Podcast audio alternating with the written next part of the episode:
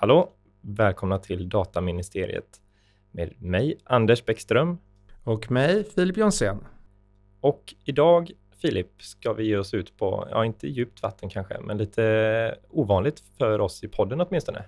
Det får man lov att säga. Vi kommer byta till engelska. And uh, a warm welcome to Alexander Hanf. Thank you, Philip. Pleasure to be here. The pleasure is on our side. So, how are you today? A little tired. I had a long, a long couple of weeks. I've been traveling for the last three weeks. I'm traveling again tomorrow. So yeah, it's it's been crazy, but I got home for two days, which isn't so bad, I suppose. Following you on LinkedIn, it seems like you're traveling all the time. Yeah, it's been a busy year, a really busy year. Um, a lot going on with the Singularity University faculty that I'm working with there. Also, as you know, there's a lot going on with regards to conferences and events at this time of year leading into the summer. So it's pretty much a, a crazy time. But it will get quieter over July and August, which is nice. You think so? Um, no, not really. but it's a nice thought to have, a nice fancy. Yeah, I know we're expecting a lot of uh, enforcement actions this summer from various supervisory authorities, so that's going to make things very interesting, keep us on our toes. I think. Yeah. So could you also bring uh, like a short introduction of yourself? Oh God, I hate it when people ask me this. Um, so I I can I can do it. Yeah, you, you do to. it. That's that's yeah. much better. so basically, I mean, you worked with uh, mainly, I think, e-privacy and stuff like that for a very long time. Even like a couple of years before we had the e-privacy directive. Um, not before the e-privacy directive, but because uh, the e-privacy directive dates back to 2002, but 2008, 2009 when we had the amendments to, to the e-privacy directive. Okay. And uh, doing a lot of lobbying or uh, influencing uh, in Brussels yeah, at the time? I, was, not officially a lobbyist until January this year because I wasn't lobbying for a big corporation, so they wouldn't give me a lobbying title, um, which meant I didn't have access to the parliament as much as the other lobbyists did. But yes, as of January, I'm now officially a lobbyist in Brussels, the only pro privacy lobbyist in Brussels. So is it a good thing to be an uh, accredited lobbyist? What's the difference? Um, if you're not accredited as a lobbyist, as in on the transparency register, you don't get a parliamentary pass. So every time you need to go into the parliament to lobby, you have to be invited by a member of the parliament. Um, if you're a lobbyist, if you're accredited, then you can just come and go as you please. Oh, you have your own. Yeah, pass? I have my own ID pass. Yeah. Oh, interesting. So you're at a distinct disadvantage if you're working as an independent, lobbying on behalf of of the public, on behalf of civil society, uh, because it's very difficult to persuade the commission that you are actually a lobbyist and of course it's very difficult to get paid by the public so it's very difficult to put them down as a client yeah and uh, you also are running a consultancy firm with a with a friend uh, of yours or a couple of friends and uh, i recall that you started up like a and it's not a lobbyist group, but what's it called now? Article. It is a lobby group. So Article Eight is. Uh, I've been lobbying for companies working in the privacy space since well, nearly 12 years now. Um, and it made sense that with the fact that there are more of these companies coming into the environment, um, and there's more focus on privacy and data ethics and data protection, it made sense to bring this community of companies together. So we started an industry group called Article 8, um, which is a play on three different things. So, Article 8 of the European Convention on Human Rights, which of course is the right to privacy, Article 8 on the European Charter of Fundamental Rights, which is the right to data protection, and then to articulate, to speak, yeah, to, to represent them. Um, so that's where the name Article 8 comes from. And yeah, it's a, a lobby group um, and I'm lobbying on behalf of, of the pro privacy industry. We're very strict on the members that we allow into the group. They must be working specifically either with privacy as a core feature of their business or developing privacy enhancing products and services. Are they uh, open with being part of the Article 8? Who? Or is it closed community that you can't tell who is member? Um, we will publish who the members are probably this summer. We've been okay. putting everything together, building the website, building the materials, resources. We also have a number of projects on the go. We're very short staffed, very under budget, so it's a case of trying to get things done as quickly as we can. And as it happens, the website tends to be the last of those things because everything else takes takes much more priority. And of course, your consultancy firm is called Think Privacy. Yeah. So AB is a Swedish company. Yeah, I Think Privacy is a brand that I've used for over 10 years now. I used to have a company in the UK called Think Privacy. Then when I was in Poland, I had a company called Think Privacy. So when I moved to Sweden, it made sense to, to continue that brand with the company. It's a great brand uh, and it it's synonymous with me. People, when they think about think privacy, they think about me. Um, or if they think about the cookie monster, they think about me too. Yeah. So So now you mention it. Uh, thank you. You also call the cookie monster. yeah, yeah. You're on the barricades when it comes to cookies, tracking technologies, um, collecting uh, data on consumers in the shadows, and so on. Yeah, I mean, that's really where I started my career in privacy. I'm a computer scientist by trade and a psychologist. I worked in tech for a very long time. Um, and then in 2008, I went back to study the impact of technology on society because I was concerned with how technology was commoditizing people instead of empowering them.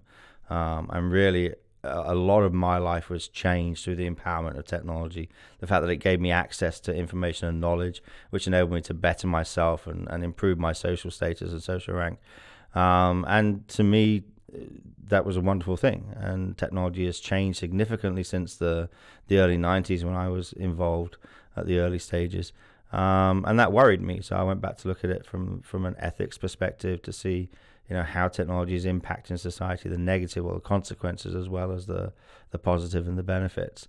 And in 2008, I started a campaign in the UK against a behavioral advertising company called Phorm. Um, that led to a really end up being a really huge campaign, the second biggest campaign the European Commission had ever seen, completely unfunded grassroots campaign. I was convinced that their technology was illegal under European law. Turns out I was right, which is pretty good for a non-lawyer. Um, and that led to changes to the Privacy Directive in 2009, which we now refer to as the Cookie Directive, which I hate um, because it's about a lot more than cookies. That then led on to the GDPR, obviously, because as a result of all these new technologies that came to light to the European legislature, um, they realised that the old uh, that the old data protection directive needed to be updated, and then uh, so I worked on that too. Uh, from 2011, and then obviously I was I've been very heavily involved in the e-privacy regulation, which has been somewhat delayed, but we're hoping the Germans will push it through in the first half of 2020.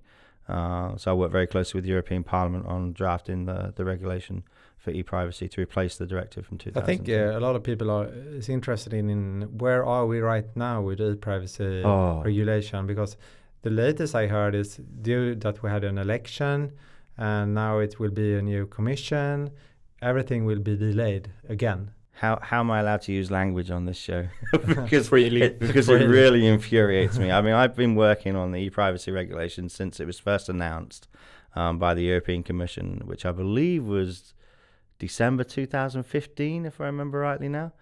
Um, the first draft of the regulation was very strong, and then during a 20-day period of that draft being leaked and the new year coming in when they published the official version, they were massively lobbied by the IAB and various other ad tech representatives and did a complete 180 and ended up producing a dreadful draft. Um, then I worked very closely with Marju Lauristin uh, and her team in the European Parliament. She was the rapporteur to develop a much stronger draft, which is very pro fundamental rights. We managed to get that through the, the plenary vote in October 2017, I think it was. Um, my memory's not as good as it used to be. And since then, we've basically been sat on our hands waiting for the Council of the EU, the Council of Ministers, to come up with their draft. And every single working document they produce has been absolutely abominable. Uh, is far weaker than the previous director, directive. It's completely non-compatible with the GDPR or the European Charter of Fundamental Rights or case law from the European Court, for that matter. Um, and so we had a situation where the Austrians released dreadful uh, working documents. The Romanians have done nothing. It, I, I was in Helsinki uh, two weeks ago, spoke to some some polit- uh, political figures there. They've stated that there's really no interest from the Finnish presidency to push this through. Um, so of course we've got the Germans um, at the beginning of next year. Possibility they will, but of course since then we've had the European elections which has created something of a problem. It's a mixed bag. It's kind of a double-edged sword. So on the one side, we no longer have a majority in the European Parliament, which means pushing any file through is is going to become incredibly difficult. On the other side, we had a very close shave with getting the LIBE draft through in uh, in 2017, largely down to the uh, the EPP um, and people like Axel uh, Axel Voss lobbying against it um, or, or working against it and voting against it. So on the positive side, we no longer have to worry so much about that dominant power from the EPP. but on the on the on the negative side, it's going to be very difficult to get the file through. So we could see um, that this is a, a, a much longer process than we would like.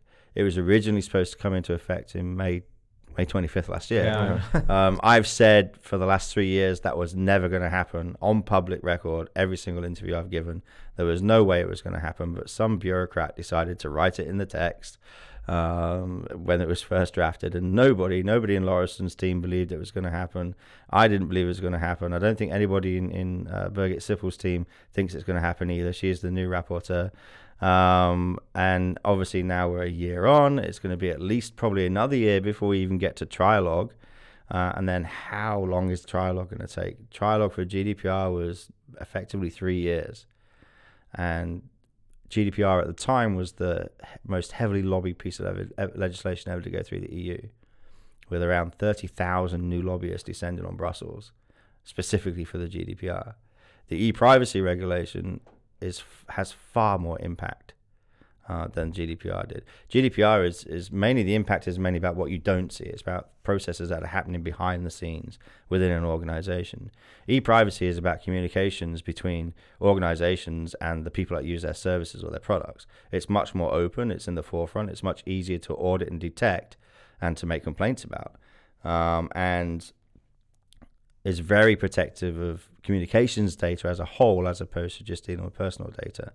So when you look at an ecosystem where data has become so widely used and so widely abused as well, I should say, um, to have a piece of legislation like the privacy regulation, which which is really a very positive thing for us as citizens for our fundamental rights, but for companies, it's going to be something which they they're going to find is uh, quite restrictive, um, and they're not going to be happy about it. So I expect that we could potentially see more lobbying once we get to trialogue on the e-privacy regulation than we did on GDPR.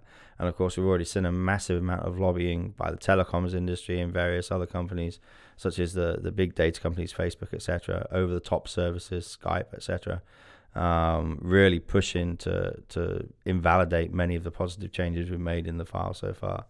So I'd like to say that we'll get into trialogue in 2020 with the German uh, presidency. Um, there's no guarantee that will happen, but that's looking like the only thing that's going to happen in the near future. If it's not the German presidency, I've got no idea what's going to happen after that. But then trying to get the file through through trialogue is going to be very difficult, um, and then trying to get a final vote on it, I think, is going to be very difficult as well. So, I mean, we saw so many amendments during the process with GDPR, yeah, going back and forth, and actually, I think uh, some of the good parts really came f- through all the way but we also some of the good parts are missing. There was a lot of dilution, um, yeah. and, and what was shocking, I mean, it was quite a conspiracy as well. There was a there was an organization called LobbyPlag. I don't know if you know about them. No. Um, they basically were monitoring the lobbying process on GDPR, and they published a lot of things on a website. And it was shocking how many politicians and ministers were cutting and pasting text written by lawyers for, for big tech companies directly into the legislation as amendments um, and became quite a scandal. Uh, we certainly did not want to see the same thing happening with the e-privacy regulation, but there are some very controversial articles in the e-privacy regulation. Article 10, which is the privacy by design and by default. Um, basically, the Austrians and the Romanians have said we don't want that. Let's scrap it completely, which we absolutely need. It's essential in this in this modern ecosystem that we live in. Um, other issues regarding confidentiality communications, uh, with regards to tracking walls, which is an area that I'm very familiar and very active on, is you know people still being able to access services um, despite not wanting to give up their fundamental right to privacy, which of course we know under GDPR uh, is a requirement for consent to be freely given. Um, but we're still seeing member states, ministers from member states, trying to push for that to be taken out, uh, which again would make the file completely um, incompatible with GDPR. I think it's important point uh, you made that uh, e-privacy directives is not at all only about cookies and tracking technologies. It's a lot about the, the telecommunications companies and how they should behave and what they should save and uh, and so on. And uh, that is quite often missed. In uh, I will translate it to Swedish, lagen om elektronisk kommunikation. So we have a lot of stuff in that law from the e-privacy directive. Yeah, and it's been a big problem as well because I mean one of the reasons why we've created or written the, the new regulation is because we had the same problem problem that we had with with the uh, the data protection directive from 1995 a secondary legislation we had 28 different interpretations of the text in different member states we've had pretty much zero enforcement of the of the e-privacy directive in its entire 17 years of existence. Um, and we would have expected at least a lot more enforcement since 2012 when the amendments came into force from 2009 with regards to the use of tracking technologies, not just cookies, all tracking technologies. Um, and there's been almost no enforcement whatsoever. And this was largely by design. So the reason they call me the cookie monster in Brussels is because I was very heavily involved in the consultation process relating to um, how we would affect the changes from uh, Article 5.3 of the Privacy Directive um, into practice in the real world. So we saw all these cookie banners come up, and we've discussed this at length before. You know, none of them, or, or virtually none of them, maybe 99.9% of them, are not compliant with the law. Um, a, they don't provide you with the right to refuse. B, all the cookies and other tracking technologies are already planted in your browser before the notice even appears. It's all just smoke and mirrors. Um, and this was very much a deliberate plan by the ad tech industry. So when we were going through this consultation, um, we made it very clear as civil society that this was not the appropriate measure. It's going to lead to consent fatigue. It's it's not genuine. It, it doesn't um, fix the issues um, and doesn't lead to a, to a compliance with the law. And the ad tech is exactly what they wanted because, to be frank, and excuse my language, they wanted to piss off the public. So the public wouldn't pay any attention to the banners and the status quo would remain. And that's exactly what happened. And, and when you get to the point then when the regulators themselves are not enforcing this because the directive has been uh, transposed into their national law in ways which doesn't give them power to enforce it, or they have political pressure not to enforce it, as is the case in several countries, which I won't mention, um, because we all know that supervisory authority is supposed to be independent from the state. Cough, cough. Um, so when you have that situation, when there's when there's no enforcement, the law becomes meaningless, and in fact, a lack of enforcement weakens our fundamental rights. And this is the point I've made several times with the Information Commissioner's Office in the UK, with the Irish uh, privacy commissioner, uh, and so on and so forth. When you don't enforce fundamental rights, you weaken them because you effectively say to companies, well, these fundamental rights mean nothing. But uh, as far as GDPR, I've heard that uh, especially from the UK and also I think the Commissioner in Ireland has stated that they have a couple of quite large cases coming this summer or very close after the summer. Yeah, with I mean, even heavy fines. I have a lot of sympathy for the Irish. Well, I say a lot of sympathy. I have some sympathy for the Irish commissioner. They didn't have the power to issue penalties prior to GDPR. So, excuse me. So, despite having um, uh, some of the biggest tech companies in the world taking up establishment in Ireland, they had no power of enforcement. They could basically say, please don't do that. And if they said, okay, we'll ignore you, then there was nothing more they could do. Um, now, obviously, with GDPR, the position has changed significantly. They have sig- a, a lot of strength now to issue large penalties. But when you breed an environment of apathy, where you breed an environment of light touch regulation, which is what it was in Ireland, it's very difficult to suddenly change from that environment to the regime that we expect under GDPR. So I know that there was an interview given at the IAPP event in DC recently, um, where the Irish commissioner stated that she was going to be issuing around, she had around 17 big cases that she was anticipating uh, delivering some judgments on over the summer, mid towards the end, the uh, end of late summer. Whether that will result in any significant penalties remains to be seen. Um, we know the FTC in the US are looking to issue a very large penalty against uh, Facebook for around $5 billion. We know that Congress have contacted them and said that isn't enough, um, which is actually quite hopeful from our perspective as advocates.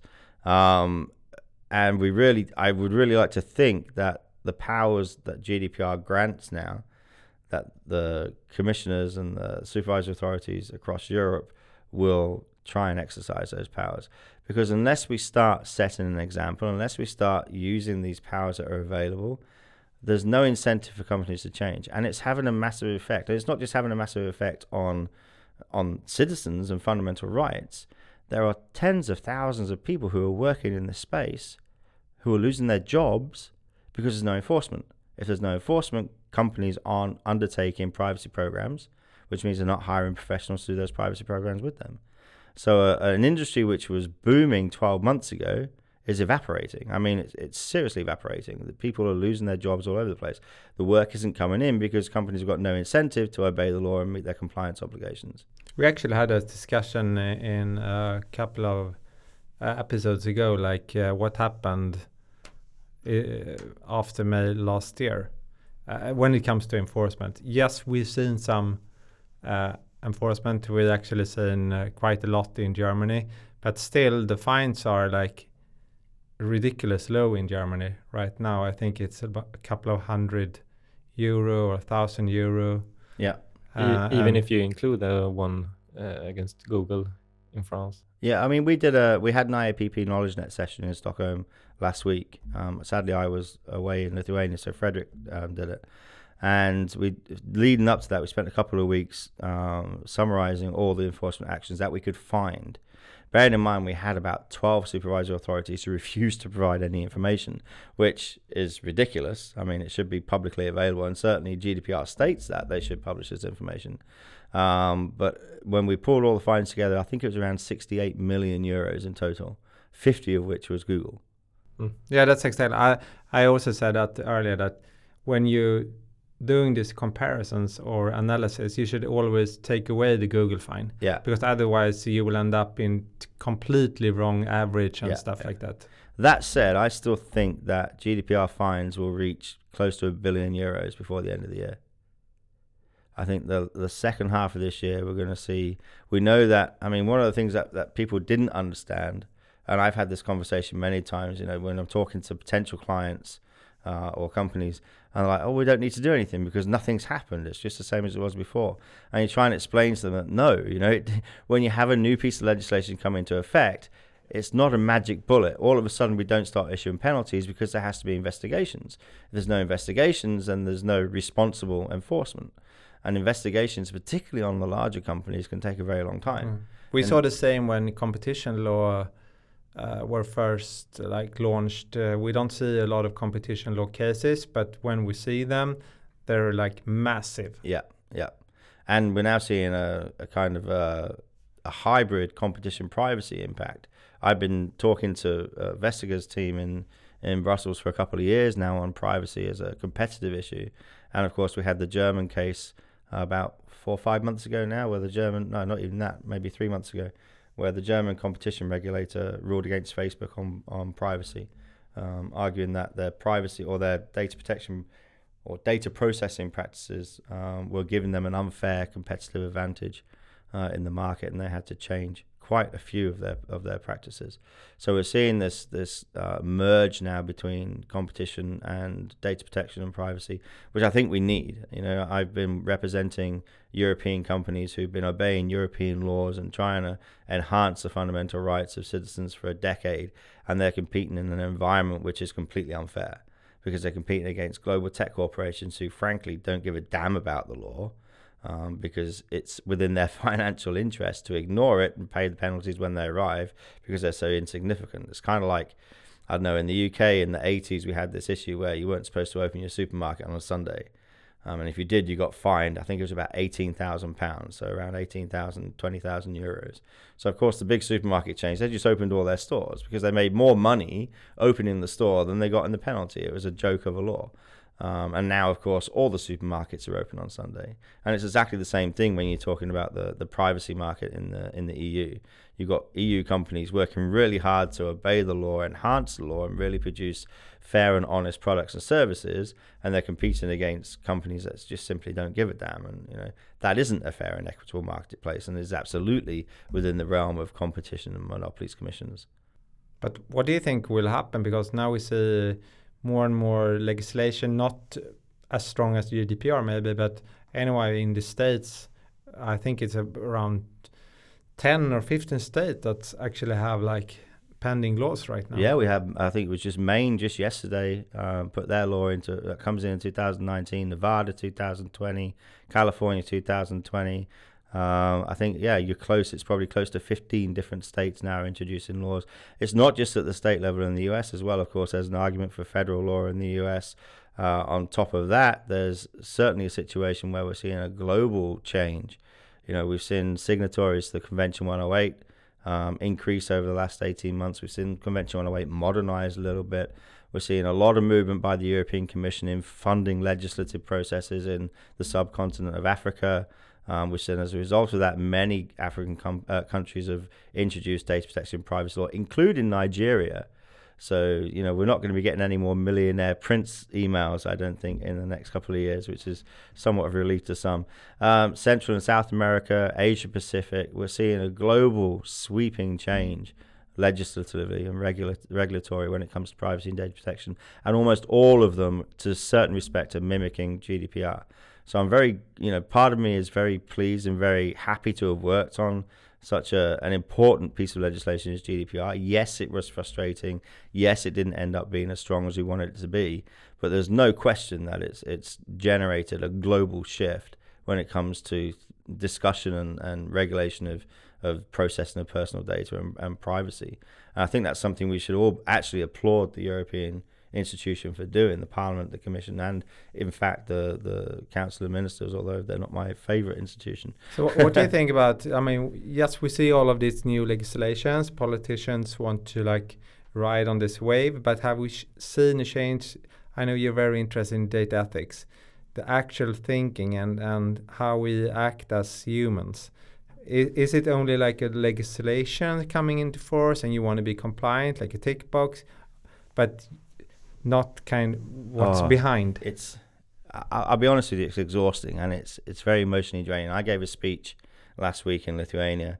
I'm currently writing a book called It's Personal, which is a my story from about the age of ten years old. I thought you were finished. Uh, almost finished, almost finished. I've been traveling a lot for the last four weeks, um, so I'm about eighty percent through. Uh, but it's it's a it's kind of a sad story. I didn't have a very easy childhood. I came from a, a very poor background with a lot of abuse and other things that were going on, and and tech was my escape, and tech was uh, what I used to take me out of that environment and, and improve myself and and give myself the knowledge and the experience and the skills to to move out of that.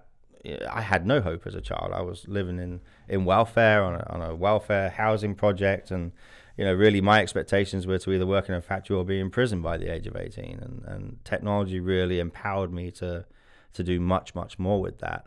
Um, and even now, I'm close to tears talking about this because it's so emotional to me. It's not about um, advertising, it's not about, you know, giant corporations or any of that. It's about the impact that these technology have on us. And I sure as hell hope, and I said this last week in Lithuania, that in 20, 30, 40 years' time, other 10 year old girls and boys who are in that same situation still have the same opportunities that I had to be able to change their life through the empowerment of technology instead of all that being lost due to commoditization.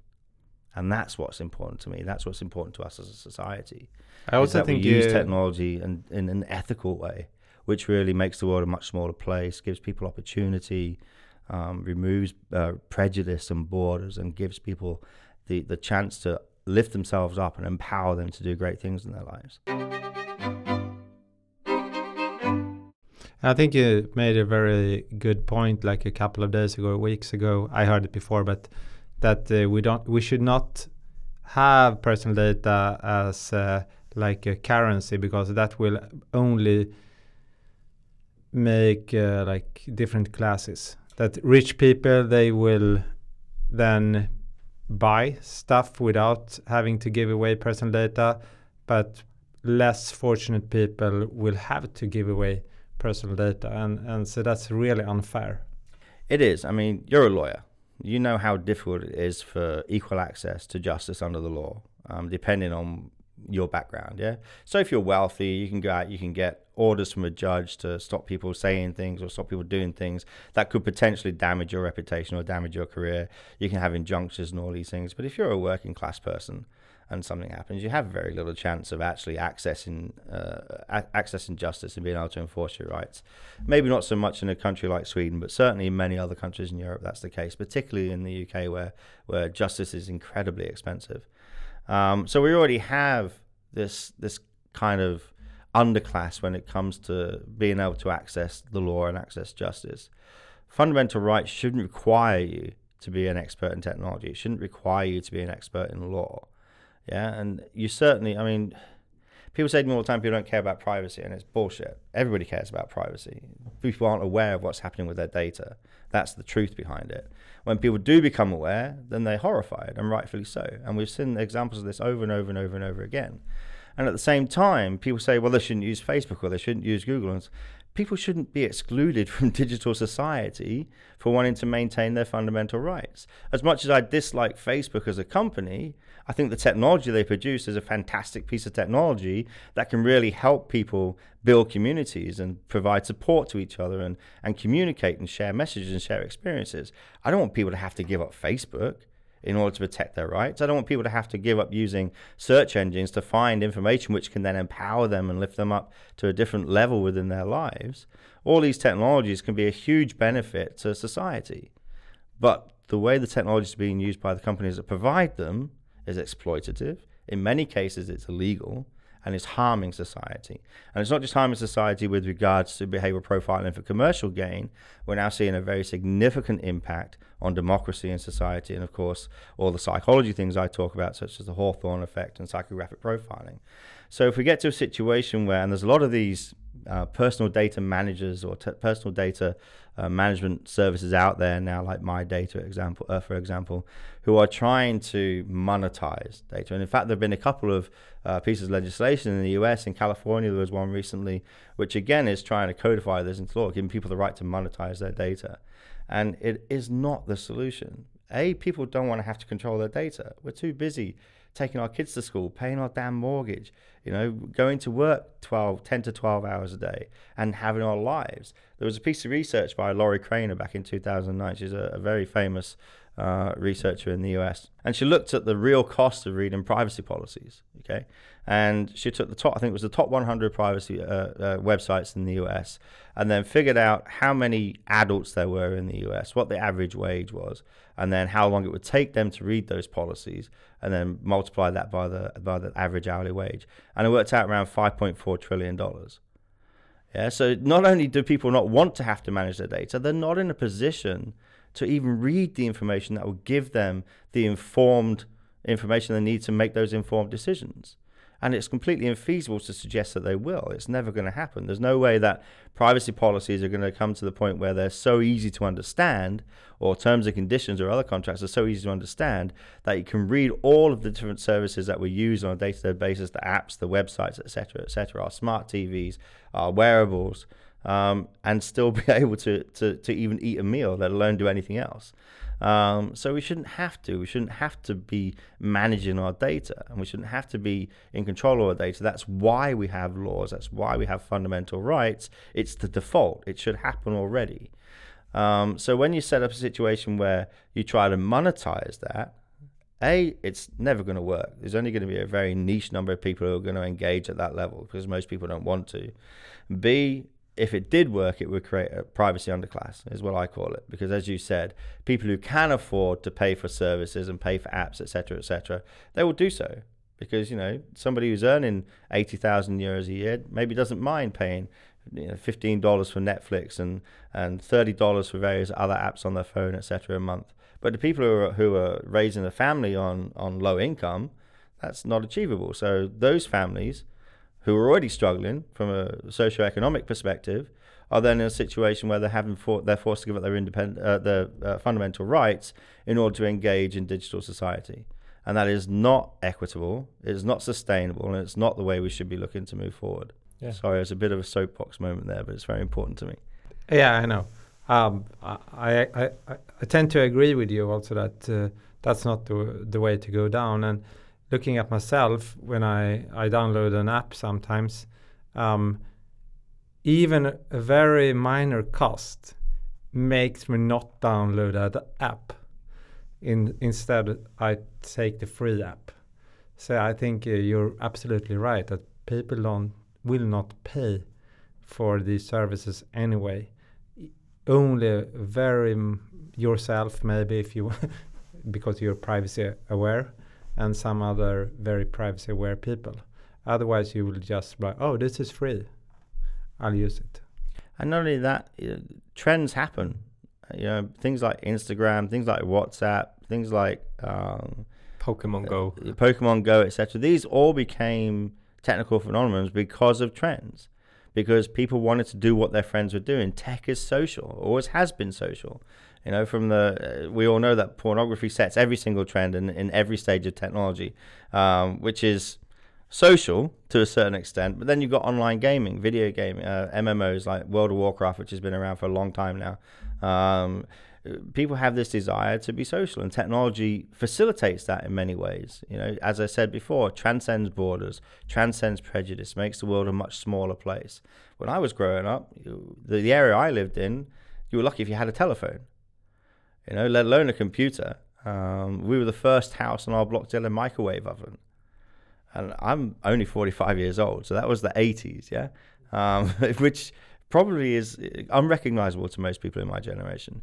Um, but that's the way it was. So you communicated with your, your immediate vicinity, maybe two or three streets around where you lived. You would know the people there quite well and you would socialize with them. But that was your world. You had this bubble.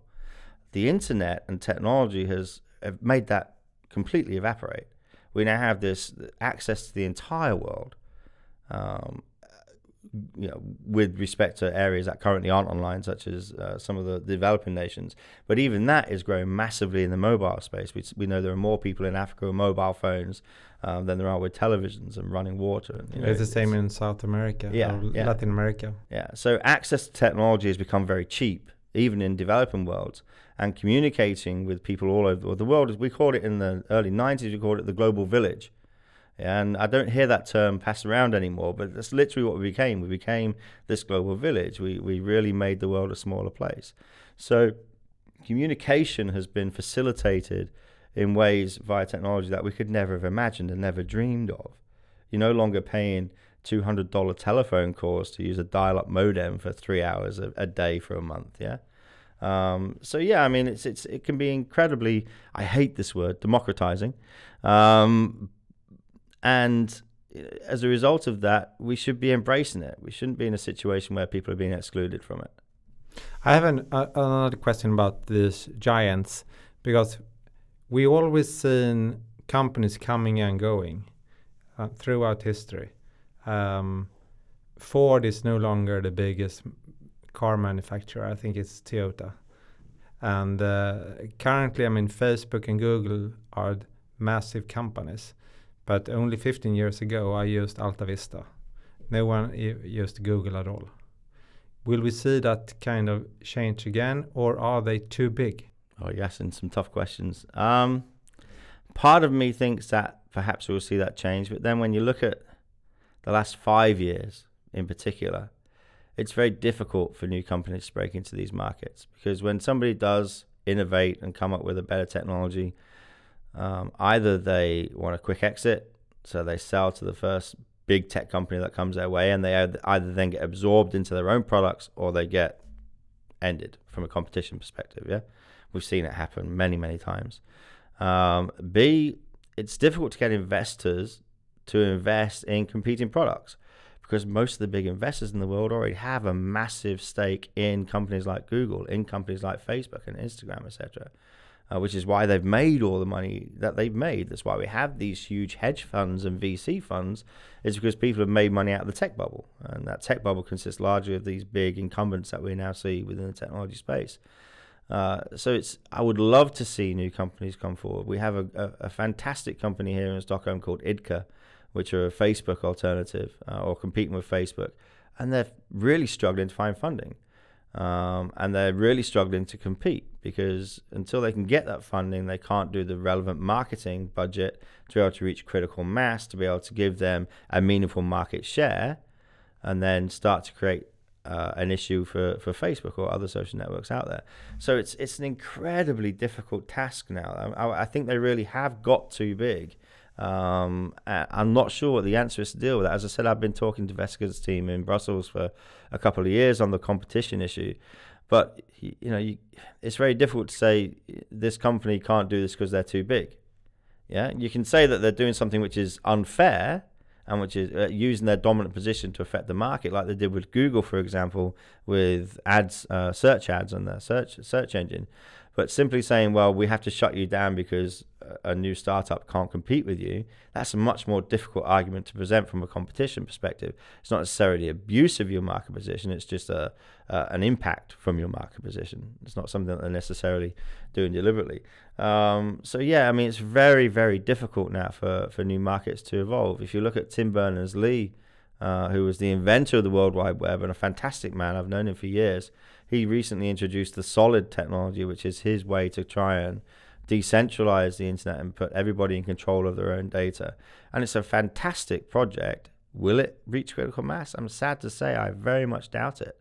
Because even though Tim Berners Lee is the guy behind it, the grandfather of the web as we know it, even he can't compete with the numbers that Google and Facebook have got.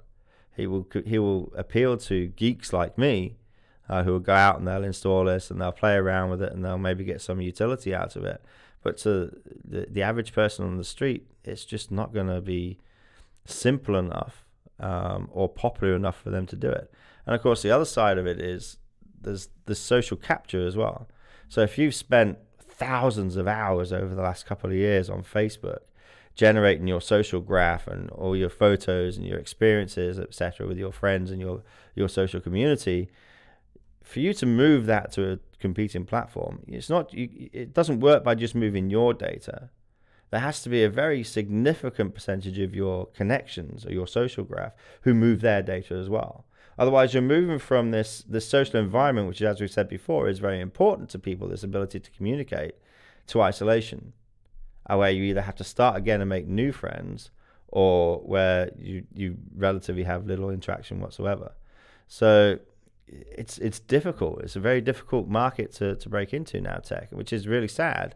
Um, and I don't see that it's going to change in the near future. I wish it would, because there's a lot of fantastic companies out there doing fantastic work on creating new foc- new products and services focused on privacy and fundamental rights, who simply don't have the budgets because they can't get the investment to market to the point where they become a going concern, and at the same time can't reach critical mass to attract enough people onto the platform to allow that to then grow organically. So it's, it's very, very difficult. But this uh, Idka thing, uh, do you take part in that in some way or? Um, I I don't really get a lot of time for social media in general. The only social media I tend to get time on is is sometimes on Twitter now, and I used to be a very big Twitter user, um, and LinkedIn. Uh, sadly, when I was, as an independent, I had a lot more freedom to do what I wanted. As a CEO of a company, my time isn't my own anymore, sadly. but but I mean, do you um, do you um, counsel them? Do yeah, I, I advise them. them I, have had a couple of meetings with them. I'm kind of unofficially on their advisory board as well. Um, I've done a couple of podcasts with them too. They they run a podcast on uh, every couple of weeks, um, and they're a member of Article Eight. Um, so yeah, so I know them very well. Uh, they're based here in Stockholm, as I said. Uh, and I, I really wish that there was something we could do which would facilitate them being able to reach that critical mass. It's, yeah. it's very difficult. I've discussed this with the, with the founder Goran uh, many times. You know, they really have to focus on marketing. Um, the only reason why the big tech companies are the big tech companies because they had massive marketing budgets. And sadly, when you're creating privacy enhancing technologies, you're more focused on creating a product which meets those requirements and spending the money on that than you are on spending money on marketing. And that's an attitude really. And all of the privacy projects I've seen have always put far too little uh, money into into marketing their products and services, trying to rely on word of mouth, trying to rely on social media, and it's very rare that any of them get enough traction to actually do anything meaningful. Yeah. But could it be that they are engineers or technologists that are really into tech and they want to create this fantastic technology or privacy enhancing technologies they're not that interested in marketing that's definitely part of it. But that said, I mean, I've met a lot of people who are running these companies who came in as entrepreneurs from business backgrounds, so understand the necessity of marketing and advertising in order to feed that sales pipe. Um, but they just haven't had the budget to be able to push it to the level they need to push it.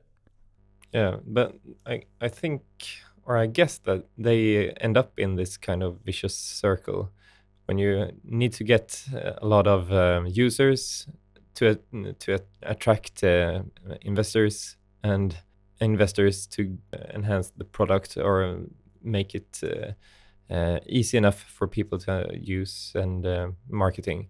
So uh, I guess it's yeah. I mean, tech can be circle. easy, um, whether it's privacy focused or not. You know, if you're using privacy by design, then there's no reason why tech needs to be difficult. Um, but again, I mean, it's it's a multifaceted issue. So you're caught in this catch 22 situation. This is one thing that I come across all the time uh, with my company is trying to find a marketing a marketing platform that you can actually use. If you're working in the privacy space, you can't advertise on Facebook, you can't advertise on Google or LinkedIn or Twitter, because these are the very industries, the very platforms that you're trying to fight. These are the, the platforms you're trying to get to behave ethically. These are the platforms that are creating the problems that we that we have today, the ad tech industry as a whole. Um, and when you consider that marketing advertising has moved almost entirely into the ad tech industry, and that space is dominated by Google and Facebook, uh, up to 90% in the EU. If you're a privacy enhancing product or service or a company working in privacy, how do you then market your product in an ethical way? Yeah, how do you not become a hypocrite by advertising on LinkedIn or advertising on Facebook? Therefore, facilitating them to do their tracking and their profiling, exactly the things that you're trying to combat there are very few what I would consider to be ethical marketing avenues and platforms for companies who really want to do the right thing to be able to do it nowadays. And the ones that do exist have so little reach, uh, you know, th- there's no equitable return on that investment. It's a, it's a really difficult problem to solve. But what do you think? Because, I mean, not all marketing or ad tech is bad. It's also a good side to it that you actually get information that's relevant to you. So how would you accomplish that both that doing the right thing and doing it in a privacy friendly way but still giving the consumers the the information or ads that they want it's a difficult psychological argument for me that one because I mean when we consider psychographic profiling, which is where Cambridge Analytica came from, psychographic profiling was a technique established in the 1920s by a psychologist for the marketing industry. Um, marketing, as much as many people might not want to admit it, marketing is about manipulation. It's about trying to persuade people to buy things that they might not necessarily ordinarily buy. Um, so the ethical question there, from a psychological perspective, is if we're using uh, psychographic profiling, which is essentially what behavioral advertising is, what we what they now call relevant advertising in air quotes for anybody who can't see um, is actually psychographic profiling, which is uh, essentially manipulation. It's persuading people to buy things um, rather than giving them information. Um, eh, marketing, which is focused on giving information in a transparent and fair fashion, is very difficult to find nowadays. Almost all marketing is designed to elicit a response that isn't rational. That's why we see so much um, sexual, sexualized marketing uh, marketing based around addictive goods like candy, like fast food, like alcohol, like tobacco, although not so much tobacco nowadays, obviously. Um, it's all about trying to capture people as opposed to the traditional type of marketing that we saw 100 years ago, where you were just trying to make people aware that you existed um, and giving them the opportunity to try something that they that they might be interested in. Marketing nowadays is about numbers. It's about pushing as many messages out there to as many different people that you can in as many different ways to make sure they buy your product. And I wouldn't say from from a psychology perspective that that's particularly ethical.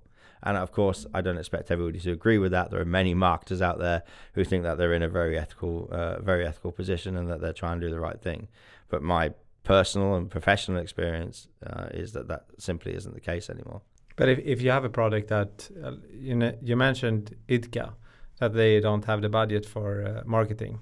Um, how who should decide what product is ethical to market and what products are not ethical to market? Not me, that's for sure. Because the world might be a bit duller if I did. to be because if you have a new product, I mean, even though you the marketing arena might have changed, it's still if you have a new product or service, marketing is one of the ways to actually broadcast that you exist. Yeah, but ethics. When we talk about ethics in this space, we're not talking about the the ability to market or to not market.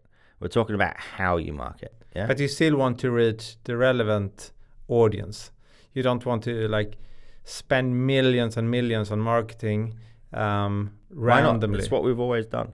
The internet, as we know it, was born out of contextual advertising. Even now, behavioral advertising, behavioral profiling are some of the lowest performing ad revenues in the industry.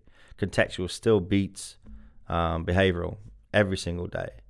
Uh, contextual advertising works. It's a case of you throw enough sand and some of it sticks. Yeah, that's how the traditional marketing environment worked, and it worked well. Yes, you didn't know which dollar was was, was working and which dollar wasn't, but that's the whole point. Yeah, you throw in enough information out there that some people will see it and they'll decide to buy your product.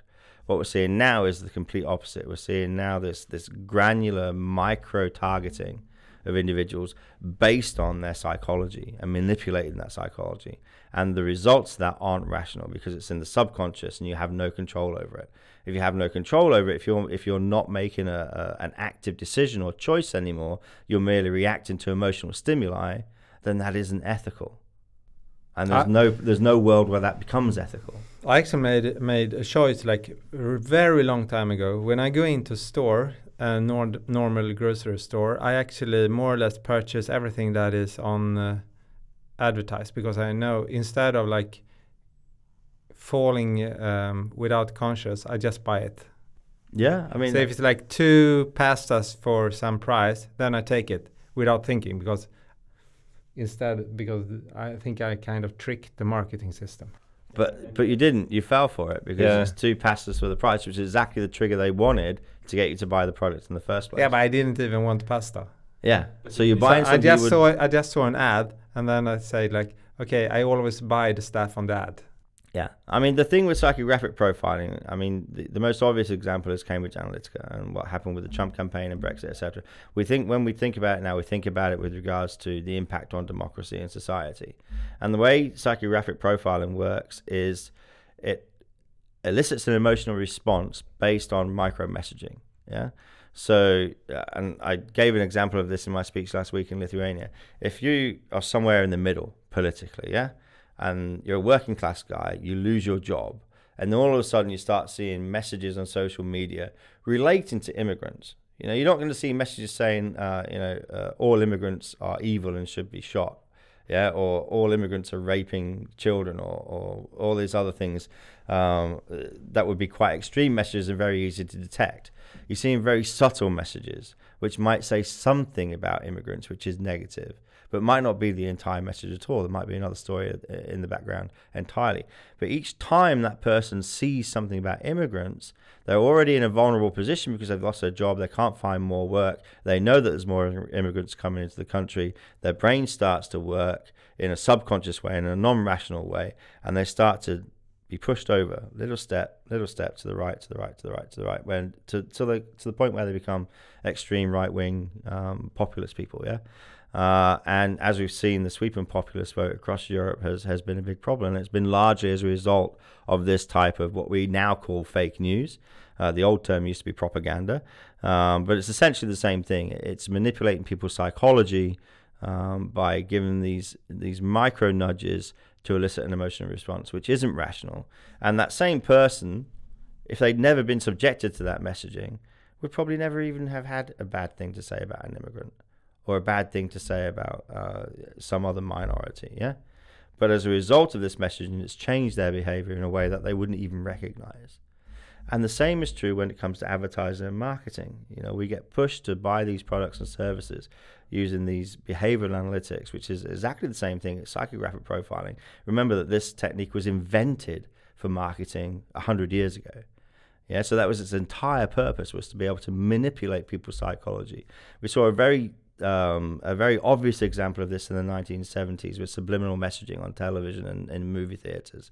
You've all heard of the experiment where they were flashing up in the movie theater, buy popcorn, buy Coke, yeah? um, and it was being processed in the subconscious brain because you didn't see it. It was one frame in every 60 frames or whatever it was.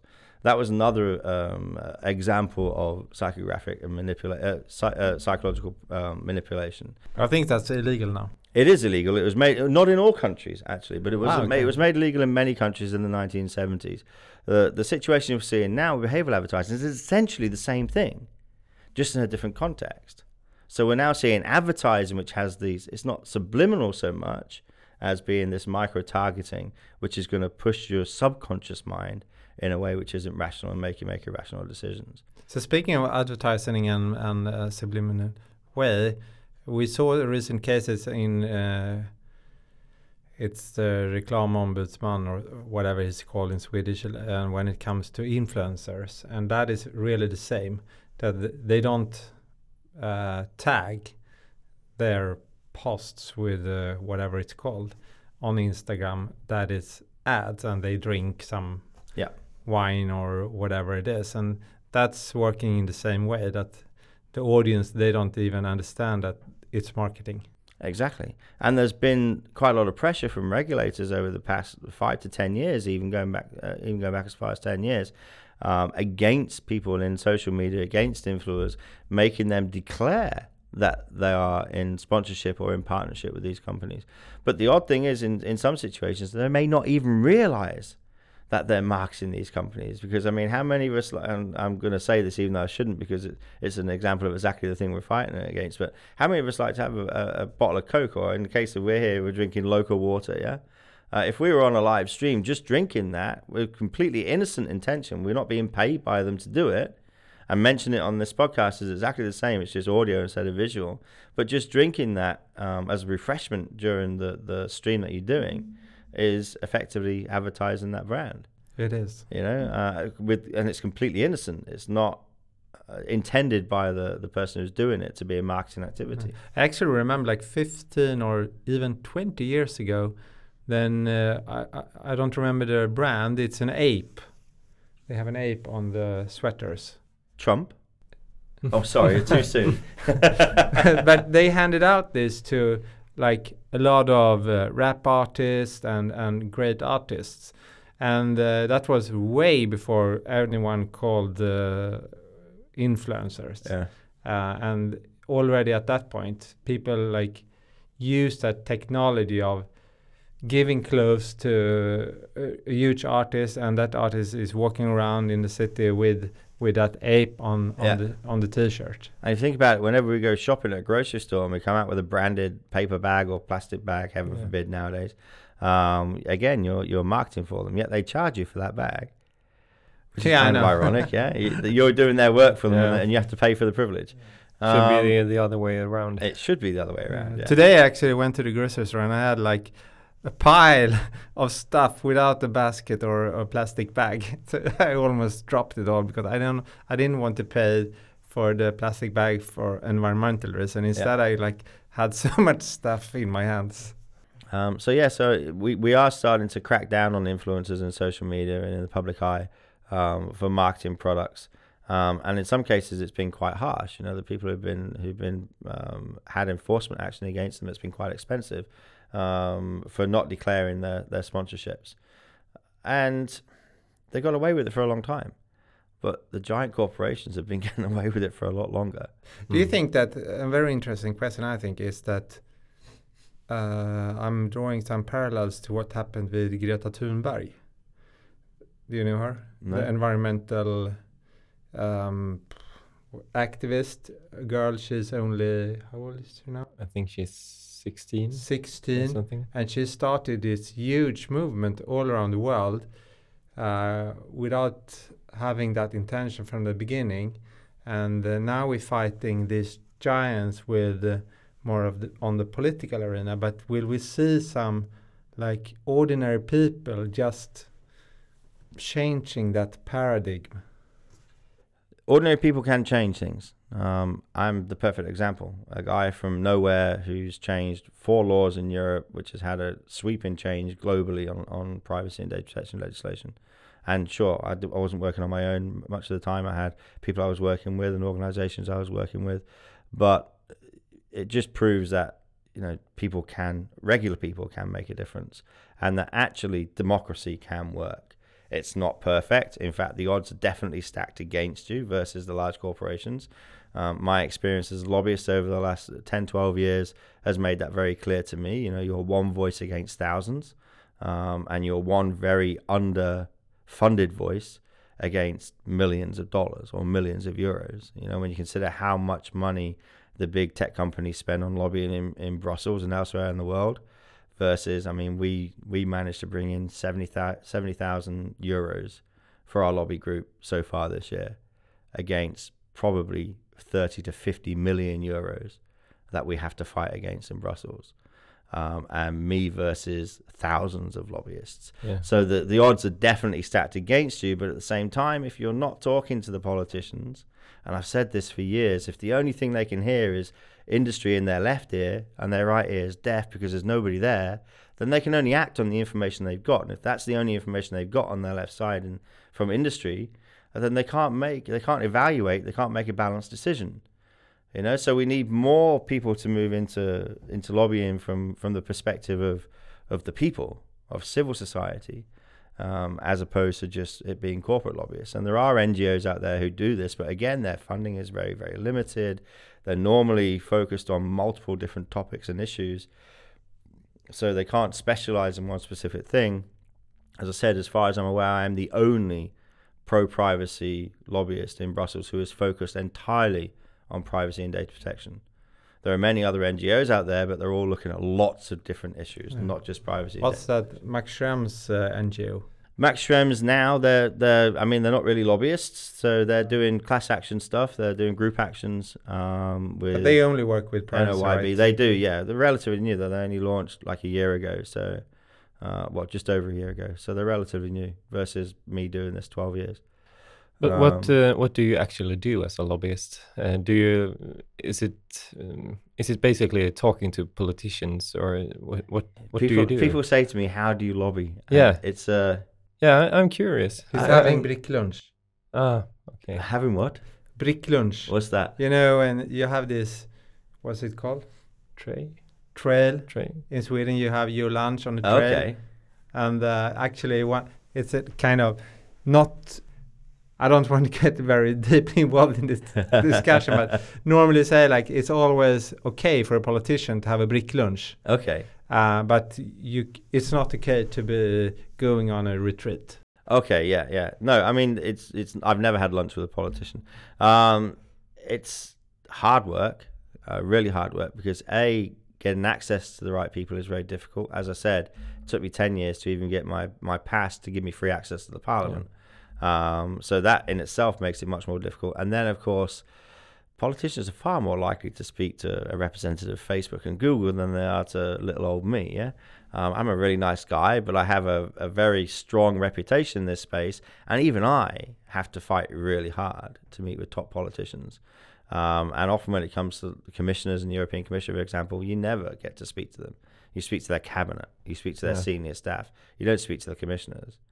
But uh, Google, Facebook, Microsoft, they spend a lot of time speaking to the commissioners. It's yeah. almost their social circle, yeah.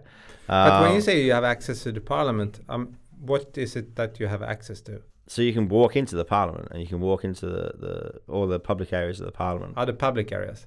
But um, can you um, walk into where the poli- politicians have their rooms and stuff? Well, there's there's nothing preventing you from accessing them. Yeah, but I mean, it wouldn't be very polite. Normally, you would try and book a meeting with them and meet them uh, on that basis. You like you like to have even less success having a conversation with them if you just turn up and knock on their door. Yeah, um, so you still have to be polite, but at the same time, I mean, for the first, I would say for the first six years of lobbying in Brussels, the the amount of lawyers that told me I had no right to be there because I wasn't a lawyer and lobbyists should be lawyers. I kid you not, it was infuriating. I'm a really intelligent guy. I know how to read the law. I've studied the law, even though I may not have re- uh, gained an academic qualification in it. I studied a master's degree in law. Unfortunately, I was working too hard to complete it. Um, and I'm very uh, capable of reading text and understanding what it means, as well as reading uh, decisions and judgments which reinforce the interpretation of that law. Yeah. And that's really what law is. You don't have to be a lawyer to understand what law is. Yes, you have to work a lot harder because you don't have the, the formal training to be able to, uh, to rely on. Um, but anybody is capable of, of reading and understanding the law. And if they weren't, then there would be something very wrong with the law. Because how can we be expected to obey the law and use the law to enforce our rights if it's incomprehensible? Yeah, that Yeah. would make the law meaningless. So for the first six years, I I had a lot of criticism from lawyers in Brussels um, when I was lobbying, really quite rude. Um, as my challenges turned into success, there was a lot more acceptance and I think a lot more fear. You know, Mm. when you bankrupt a billion dollar company, that tends to make people stop and think a little bit before they uh, immediately insult you. Um, but the way I always looked at it was this is democracy. You know, they're paid by our taxes, they represent us. Um, so you have a right to speak to them. And you have to push that right sometimes, and it can take months to organize a meeting. There have been situations where I've literally sent letters and emails and communications every week for five months before I've managed to secure a meeting. But by doing it, I eventually secure the meeting. And when Yeah. you have that meeting, you use that to the best of your ability to get the message across and to try and make them understand how important this is. So it's fucking hard work. It really is. And and anybody out there who's thinking of becoming a lobbyist, an independent lobbyist, as much as I would applaud you and I would welcome the company, it's not a good career choice. Yeah, uh, if you, if you want to pay your mortgage and feed your kids, I wouldn't recommend it. Um, but it's it's a it's a very worthwhile thing to do Yeah. um, from a, a from an ethical perspective, from a, a life perspective. I don't think I could do anything else now, and I'll never be rich, and I'll never be driving around in a fast car, and I'll never be eating eating dinners with with crazy important people. Um, but today I had a, a message from the previous president of Estonia wanting to meet up and have a chat. You know, for a guy who's from from welfare to be meeting up with an ex-president, that's a pretty wonderful thing. And the guy Yeah. is a great technologist, and he's responsible for the e-government in Estonia, uh, and a real inspiration for people working in this space. So to get opportunities like that, simply because you don't let people say it's it's too big a challenge that you can't do it. Yeah, people have said to me all my life, you can't take these guys on; they're too big. With the Phorm case, multi a billion dollar company, oh, you're never going to beat them. They're too powerful. They're too powerful, and we did. Yeah, and we did it without any money. We did it without any funding. We were just relentless. So democracy does work. It's a challenge. It's difficult. Lobbying is something we need to do more of as civil society. We need to make sure that there's at least more equal representation of the issues than there currently is. It's never going to be perfect. There's never going to be a balance because no matter what happens, there's always going to be more money coming from that side than there is from our side to fund that lobbying. But we have to make our voices heard. And the more of us that do that, the more things will change and the more rapidly that change will occur. So maybe if we had 100 people like me fighting in this space, it wouldn't take 10 years for GDPR to come into effect. It might only take three years.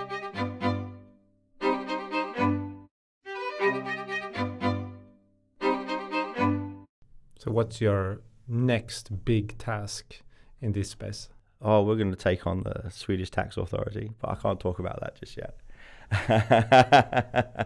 and I'm probably going to get told off by my co-founder for saying that now. And what do you think about the this voluntary publishing, whatever it's called, in Sweden? That that a lot of web pages have this uh, publishing certification or whatever it's called Yeah, in yeah. English. Publishing everybody's personal information. Yeah, like Hitta.se, Mystical, uh, Eniro, Lexbase, Acta Publica. There's a lot of. Yeah. Well, I mean, you have this constitutional issue here in Sweden. Yes, we do. Uh, with regards to publishing of freedom uh, of information, freedom of information. Um, But it's all, You're- you're a always interesting to hear the perspective from uh, other countries. Well, you're a lawyer and you're a scholar of the law, right? So, give me your honest opinion. Do you think that the Swedish constitution is compliant with the European Charter of Fundamental Rights? I hope so. You think so? That the that the publishing of that information is compliant with Article Seven and Article Eight of the European Charter? Um, I'm not sure. I never digged into it. I think it. I'm surprised that the EU, as such, hasn't acted on it Yet, yet. yet, it's my belief that it's not compliant. And uh, I can't say too much on this because it's a campaign that we're about to launch, but we're going to be moving on this space very soon. Um, and I have a lot of experience in this area. So I filed for infringement proceedings against the UK in 2009 for their regulatory investigatory powers, which is their surveillance law, not being compliant with EU law. And we won. The UK were forced to change their law as a result of that infringement proceedings by the Commission. We're looking at a similar situation with the with the Swedish constitution currently, on the grounds that it's not compliant with the European Charter of Fundamental Rights, um, and that as a result of that, people on people's personal data and their privacy is not protected due to what I believe and and my colleagues believe is I wouldn't even say it's a misinterpretation. I would say it's a perversion of the Swedish constitution. It's the Swedish constitution has been manipulated or interpreted in a way which which manipulates the rights of individuals for the favor of big business, um, and that isn't something which I believe or my colleagues believe can continue. So we're working very hard on that at the moment. We'll have more information on that in the coming weeks. It was quite, I mean, an interesting case a couple of years ago when a municipal commune wanted to have this publishing certificate, but then they actually said, no, you can't. Yeah. But that's really, really strange. The irony is when you write to one of these public authorities and ask them who they're sharing all your data with, they won't tell you. Yeah. So the freedom of information is only working one way. Yeah. They'll give all your information out to these organizations who are making massive profits from it, but they won't tell you who they're sharing it with. And that, again, shows just how perverted this but is. But there is a problem, I think. Maybe it's a problem that uh, in the recital, when it comes to marketing and uh, legitimate interest, they said that marketing could be a legitimate interest. Maybe a legitimate interest. Yeah, maybe. the, the, emphasis on the word may. May doesn't mean yes, it will be. May means that if certain conditions are met, then it could be. Yeah. Yeah, I agree. But without that, I think it companies would have a harder time to get access to public information information for marketing. Yeah. Uh, but now it, it clearly states that it may be legit but it still has to, under under the GDPR, as you know, there are certain principles which must uh, have be in place um, before something can be considered as lawful under GDPR. And of course, now I'm not talking about uh, B2C, yeah, because then it's e-privacy. But yeah. if it's a B2B, yeah, business to business, but it's still you can actually still get data subjects data. Yeah, but uh, yeah. when it comes to marketing. But it's still data subjects data. So there still has to be transparency. The data subject still needs to be informed. Right. It still must comply yeah. with the e-privacy directive um, with regards to uh, direct marketing, particularly if it's digital. If it's postal, then then no, but nobody does postal marketing anymore. Um, with regards to digital marketing, it falls under the e-privacy directive, and if it's not lawful, if it doesn't meet the fairness requirements, the transparency requirements, and the consent requirements um, uh, of the privacy directive, then it isn't lawful. And if it isn't lawful, then the recital 41, which is what you're referring to in the GDPR, doesn't apply because it's if it's not lawful, then no recitals apply. It has to be lawful before anything else under GDPR. It's one of the primary principles. So that's a it's a huge misconception. It's one that is going to be cracked down on. It's one that the uh, EDPB have, have talked about at length. The Article 29 Working Party talked about it during the development of GDPR as well. Um, it's a deliberate misinterpretation by companies um, to try and, and, and find a loophole in what is actually quite a robust law when it comes to, to marketing, digital marketing. Um, but yeah, I mean, it's a big problem. If you look at, and we have an example of this actually. So in Poland recently, Bisnode had an enforcement action against them um, for exactly this. And they tried to argue, they tried to appeal the decision saying, well, no, we're, we're a Swedish company. We're allowed to do this under the Swedish constitution. But how uh, do I remember correctly? They scraped information yeah. from um, like social communities. Yeah, but it's pages. essentially the same argument. Uh, technically, I mean, the fact that they're given it by the tax authority, um, uh, effectively they're given an API and they scrape the API. So mm. technically, it's the same. It's the same. It's just semantics. Um, but yeah, they they failed their appeal in, in Poland and had an enforcement action against them. And they hadn't informed all of the no data subjects, yeah. if yeah. I remember correctly, yeah. and they stated that they don't need to inform because some of part of the data said it was subject. They didn't have the email. Yeah, it And then the regulator said that doesn't mind, yeah, matter. You need to inform anyway. Exactly, exactly, and we already know that from uh, you know advice from, or guidance from the various Article 29, the EDPB. You know there are other methods of informing, such as putting a post up on your website or putting something in the press or on the television or the radio. You know there are ways to make people aware other than just sending out a mass email. And actually, a mass email is often the least effective way because it just ends up in spam folders. Um, so yeah, th- it was an excuse. It failed, and it's a good example. And believe me, I'm not one often to praise Poland when it comes to privacy and data protection, um, but it was a good example of exactly this: the fact that this isn't fair, this isn't lawful under GDPR. I think we can see quite a, a lot of cases when it comes to the being transparent and giving information. Of course, being fair. Even the Google, the Google case as well. Um, this case, uh, I think we've seen a couple of more cases as well when it, that only relates to information. and well, you read my really- LinkedIn. Okay, you know how hard I come down on companies for not being transparent on their websites. It's a daily routine for me. It's almost like having coffee with my breakfast. Yeah, um, there is a massive lack of transparency. Even now with GDPR, when you would expect companies to understand how important this is, there is just almost zero compliance when it comes to compliance uh, to, to transparency. There's a huge amount of sleight of hand. I was reading Schibsted's GDPR notice, and we had a meeting with Shibstead. They wanted to join Article 8. And I said to them, I said, You can't. And they said, Why? I said, Because you don't even come close to complying.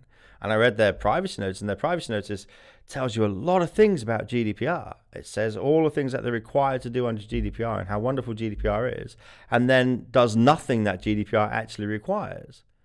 So it doesn't give you a list of your rights as a data subject. It doesn't give you a list of the processes that they're using. It doesn't give you a list of the legal purposes. It doesn't give you um, the, the the storage of data, how long data is being stored for, data retention periods, and all this other information which is required to be in that privacy policy. Have it's you read basically the- just a summary of GDPR saying this is really cool and we comply with it without complying with it. So have you read the data inspection's privacy notice? I don't read Swedish, but I Oh, assume it's right. pretty Be- poor. Yeah, because they don't state how long they Yeah. uh, keep data. The retention periods is only on a very high level, as we keep it as long as it's necessary. Yeah, which is completely not acceptable. But I don't have a huge amount of good things to say about the Swedish Data Protection Commission. They released a report, um, I think about a week or two weeks ago, talking about um, how users didn't understand how to meet their responsibilities of protecting their own data. And, uh, and I found this really confusing because uh, uh, really confusing because under GDPR, under the 95 directive, under the European Charter of Fundamental Rights, etc., etc., there is zero obligation on the data subject to be responsible for how they use their data. The responsibility lies entirely with the data controller and the processes that they engage to process data for them. And the responsibility of the supervisory authority is to enforce that educate uh, organizations on how they should do things, provide resources to the public, etc., etc.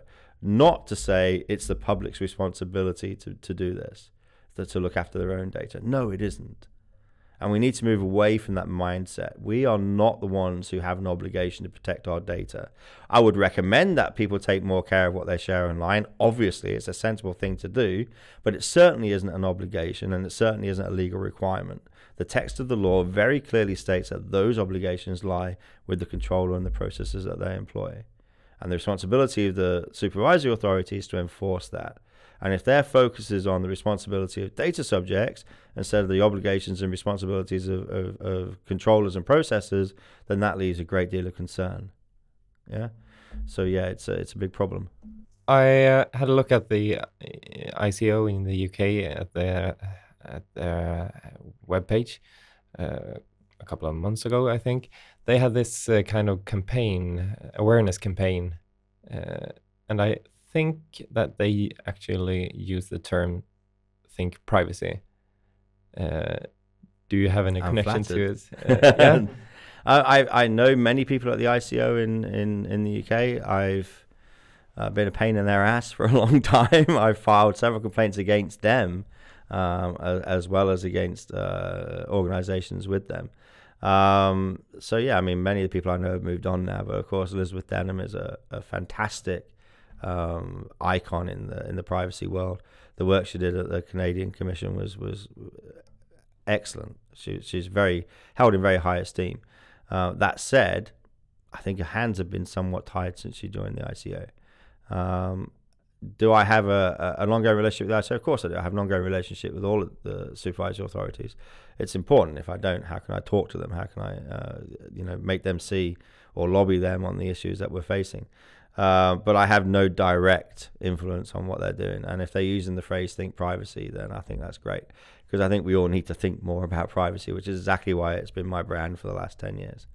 So I think we need to wrap up, but I I want to end with one of many cases you actually brought to the public's attention, and that is when you actually filed an informal complaint to one of the EU bodies about their own practices. Can you tell us a little about that? Okay, so you mentioned Max Schrems earlier in NOYB, and as you probably know, on midnight on May 24th, uh, 2018, Max Schrems, or one minute past midnight on 25th of May, filed a whole bunch of cases against Instagram, Facebook, Google, WhatsApp, so on and so forth. And that's great. You know, it gets a lot of headlines, it raises a lot of awareness, um, but it takes a long time for anything to come from that. And it, it, you know, it's, it's. I'm not trying to play down the work he does. He does great work. I have a huge amount of respect for the guy. Um, but to me, that's that's not as important as some of the other stuff. So when I'm out there talking to companies, um, and I see this a lot, and you're trying to explain to them how they should be doing things, to not just comply with the law, but to meet the basic grounds of ethics and morality, um, to raise that bar above just base level compliance. Um, when you're trying to show them how they do that, and then they look at ICO's website and they see they're using Google Analytics, and they look at you know an, another supervisory authority's website and they see they're using uh, Google Docs for for sending uh, documents and pu- publishing forms and so on and so forth. And it's very difficult then to persuade these companies that they shouldn't be doing that. Well, if this is what the regulators doing, then it's fine. You know, they're not going to enforce against us when they're doing the same thing. Um, and this has been the subject of complaints I've made against several supervisory authorities independently.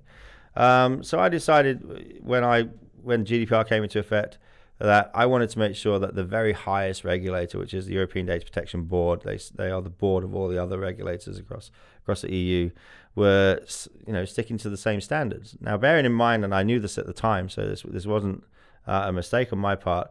They weren't obliged to comply with GDPR or the e-privacy directive. They're covered under uh, under a different directive, which has since been amended, but at that time it hadn't been amended. Um, so it was more a case of I wanted to make them aware that it's the principles that we're talking about here. And we've heard so many times from politicians and regulators that GDPR is about principles. It's about the principles of maintaining fundamental rights and doing the right thing. Yeah. It's not about legislation. It's not about minimal legal compliance. It's about ethics. Um, so I wrote to them and explained to them that their website wasn't compliant uh, with the e-privacy directive, and therefore, as a result, wasn't compliant with GDPR because of the consent uh, overlap. Um, they wrote back to me saying, "Oh, we don't need to comply with GDPR. We fall under X legislation or X directive," which of course I already knew and was exactly the response I was expecting. So I wrote back to them quite a long and and did you read? I think you. I read it. Yeah, um, it was kind of funny and uh, quite strong. Um, basically saying that it, this was a completely untenable position they take, and that you know they they can't expect companies to take these things seriously if they're going to hide behind this blanket of bureaucracy, which is effectively what they were doing. Um, the result of that, when I demanded to speak to the, the board at plenary, that didn't happen. But what they did do was they took the issue to plenary, the next plenary they had, which was in July last year, um, and they voted to comply with the with the uh, GDPR and the e-privacy directive. So they changed their website to bring it into compliance. And that to me was a much more significant victory than going after the, the obvious Googles and Facebooks, etc. Because we all know that Google and Facebook are doing the wrong thing, and we shouldn't be using them as an example anyway. But when it comes to the regulators, when it comes to the, the people who are supposed to enforce these laws, they really should be doing the right thing. And we've seen recently, just last week, the European uh, Data Protection Supervisor released a report on European bodies uh, and institutions along the same vein. That, you know, uh, whether or not they're complying with GDPR. uh, which made me smile because it made me think that because I obviously I included Mr. Buttarelli in my emails to the EDPB because they're the board that I would then complain to if, if my action wasn't taken seriously. And I know Giovanni, he's a fantastic man. I have huge respect for him. Um, so so when I saw that in the news last week when I was traveling to Lithuania, I got a huge smile on my face. It made me think, damn, yeah, this this this really worked. The, the, these people are being held to account. Um, so yeah, I mean, it was it was very important. Many people don't know about it. You know, it's not something that I made hugely public. It was something that I felt was important um, and was more about strategy than PR. Uh, but it worked, and and you know they did stop and they did listen. They did realize that actually, no, we're a bit of a hypocrite if we try and hide behind this this blanket of bureaucracy. And I encourage more people to do that. Seriously, it's really easy to send letters and emails. It doesn't take a lot of effort. So I think that's an excellent ending to this episode. Uh, obviously, we'd like to have you here again. Always happy to if you can put up with me droning on for another two hours. I apologize for my voice. I'm recovering from a flu from last week in Lithuania, so I'm not normally this bunged up. no problem. Uh, but it's been a great pleasure. I can talk about this stuff forever. You know what I'm like. It's it's it's my life. It's not a job. It's it's my passion. I'll be doing it till the day they put me under in the ground. Um, and and if people listen to this, and I said this in, in Helsinki two weeks ago, I speak to big corporations, C-suite executives, etc., dozens of times a year. You know, and they all come and they listen to my speech, and they they look over and they pat themselves on the back, and yeah, we're talking about this stuff, and then they go back to their office and they do fuck all. So what I want people to take from this is, you know, don't just listen to the podcast and then go back to your office and do the same things all over again. You know, if you want to listen to things I'm saying and you think what I'm saying is relevant, do something about it. Start creating change. And and if you're an individual, you know, not a not a company or, or a business person, but an individual and you want to enforce your rights, enforce your rights. They're there to be enforced. Democracy works if you give it the chance to do so. So engage. If you don't engage, then you're not going to affect change. Yeah. So the companies and the business people, they need to go back and they need to be doing what's socially responsible, ethical, and moral to do in order to to change the way that we're processing data and really uh, go above and beyond the, the bare minimum of law. And every single individual has an obligation to try and implement change and, and empower themselves by using their voice as well. And that's really why I do these things. That's what I want people to take away from my stories. So thank you. Thank you. Well, thank you. And thank you all of you who have listened eller ni som lyssnat. Tack!